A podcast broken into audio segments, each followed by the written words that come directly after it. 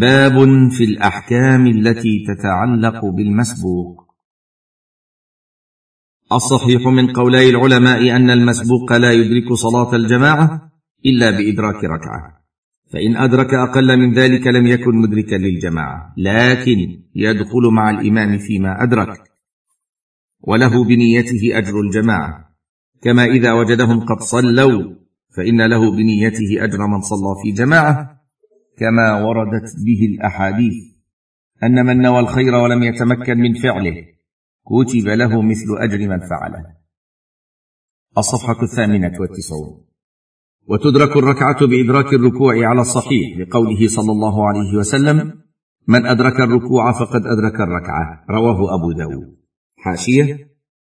لا أصل له بهذا اللفظ واللفظ في صحيح مسلم برقم سبعة بعد ستمائة. من أدرك ركعة من الصلاة مع الإمام فقد أدرك الصلاة وهو بدون الزيادة مع الإمام عند أبي داود برقم واحد وعشرين ومائة بعد الألف. انتهى. ولما في الصحيح من حديث أبي بكرة وقد جاء النبي صلى الله عليه وسلم في الركوع فركع دون الصف ولم يأمره النبي صلى الله عليه وسلم بإعادة الركعة. حاشية. انظر البخاري برقم ثلاثة وثمانين وسبعمائة. انتهى.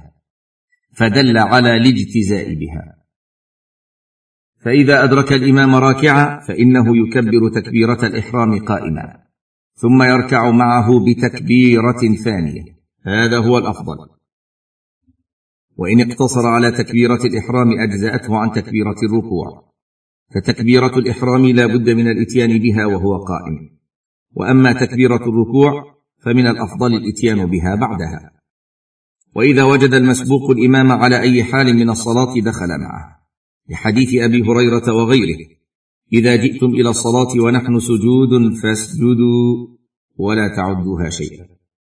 حاشية رواه أبو داود برقم ثلاثة وتسعين وثمانمائة وابن خزيمة برقم اثنين وعشرين وستمائة وألف والحاكم في الجزء الأول الصفحة السادسة وثلاثين وثلاثمائة وقال صحيح. انتهى. فإذا سلم الإمام التسليمة الثانية قام المسبوق ليأتي بما فاته من الصلاة ولا يقوم قبل التسليمة الثانية. وما أدرك المسبوق مع إمامه فهو أول صلاته على القول الصحيح. وما يأتي به بعد سلام الإمام هو آخرها. لقوله عليه الصلاة والسلام وما فاتكم فأتموا. وهو مذهب الجمهور للحديث وإتمام الشيء لا يأتي إلا بعد تقدم أوله. ورواية وما فاتكم فاقضوا لا تخالف رواية فأتموا. حاشية. رواه البخاري برقم ستة وثلاثين وستمائة ومسلم برقم اثنين وستمائة ولفظ فاقضوا رواه ابن الجارود برقم خمسة وثلاثمائة وابن خزيمة برقم خمسة وستين بعد الألف و خمسة بعد الخمسمائة والألف وابن حبان برقم خمسة وأربعين ومائة بعد الألفين. انتهى. لأن القضاء يراد به الفعل. حاشية أي الإتمام والفراغ. انتهى. لقوله تعالى فإذا قضيت الصلاة وقوله تعالى فإذا قضيتم مناسككم فيحمل قوله فاقضوا على الأداء والفراغ والله أعلم. وإذا كانت الصلاة جهرية وجب على المأموم أن يستمع لقراءة الإمام ولا يجوز له أن يقرأ وإمامه يقرأ لا سورة الفاتحة ولا غيرها. لقوله تعالى وإذا قرئ القرآن فاستمعوا له وأنصتوا لعلكم ترحمون. قال الإمام أحمد رحمه الله أجمعوا على أن هذه الآية في الصلاة. فلو أن القراءة تجب على المأموم لما أمر بتركها لسنة الاستماع ولأنه إذا انشغل المأموم بالقراءة لم يكن لجهل الإمام فائدة ولأن تأميم المأموم على قراءة الإمام ينزل منزلة قراءتها. وقد قال تعالى لموسى وهارون قد أجيبت دعوتكما وقد دعا موسى. فقال ربنا إنك آتيت فرعون وملأه زينة وأموالا في الحياة الدنيا. الآية. الصفحة التاسعة والتسعون. وأمن هارون على دعائه فنزل تأمينه منزلة من دعا. فقال تعالى قد أجيبت دعوتكما. فدل على أن من أمن على دعاء فكأنما قاله. أما إذا كانت الصلاة سرية أو كان المأموم لا يسمع الإمام فإنه يقرأ الفاتحة في هذه الحال وبهذا تجتمع الأدلة. أي وجوب قراءة الفاتحة على المأموم في الصلاة السرية دون الجهرية والله أعلم.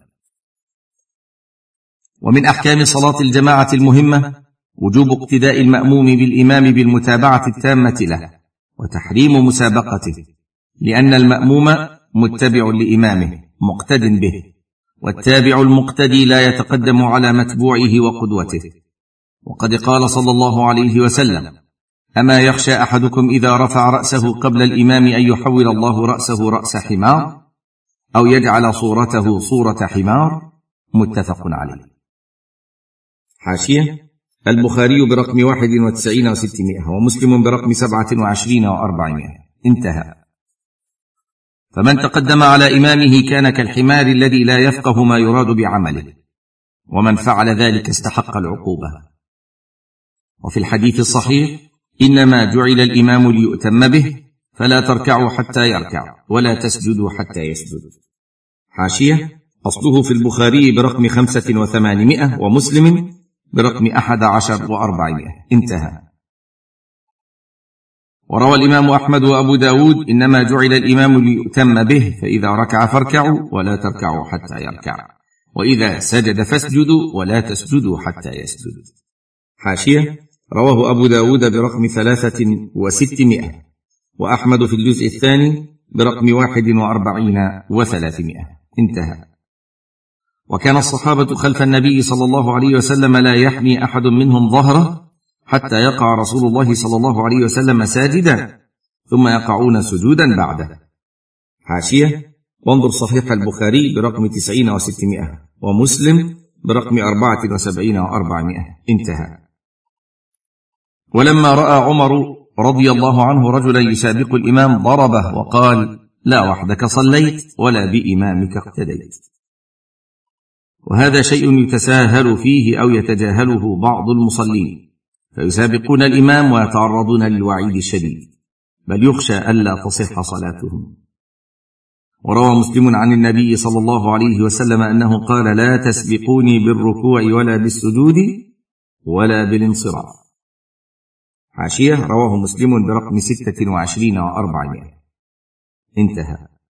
قال شيخ الإسلام ابن تيمية حاشيه الفتاوى الكبرى في الجزء الثاني الصفحة الحادية والأربعين بعد الأربعين. انتهى. مسابقة الإمام حرام باتفاق الآئمة. لا يجوز لأحد أن يركع قبل إمامه. ولا يرفع قبله. ولا يسجد قبله. قد استفاضت الأحاديث عن النبي صلى الله عليه وسلم بالنهي عن ذلك. الصفحة المئة. ومسابقة الإمام تلاعب من الشيطان ببعض المصلين حتى يخل بصلاته وإلا. فماذا يستفيد الذي يسابق الإمام؟ لأنه لن يخرج من الصلاة إلا بعد سلام الإمام. فيجب على المسلم أن يتنبه لذلك وأن يكون ملتزما لأحكام الائتمام والاقتداء. نسأل الله للجميع الفقه في دينه والبصيرة في أحكامه إنه سميع مجيب. فإنه من يرد الله به خيرا يفقهه في الدين.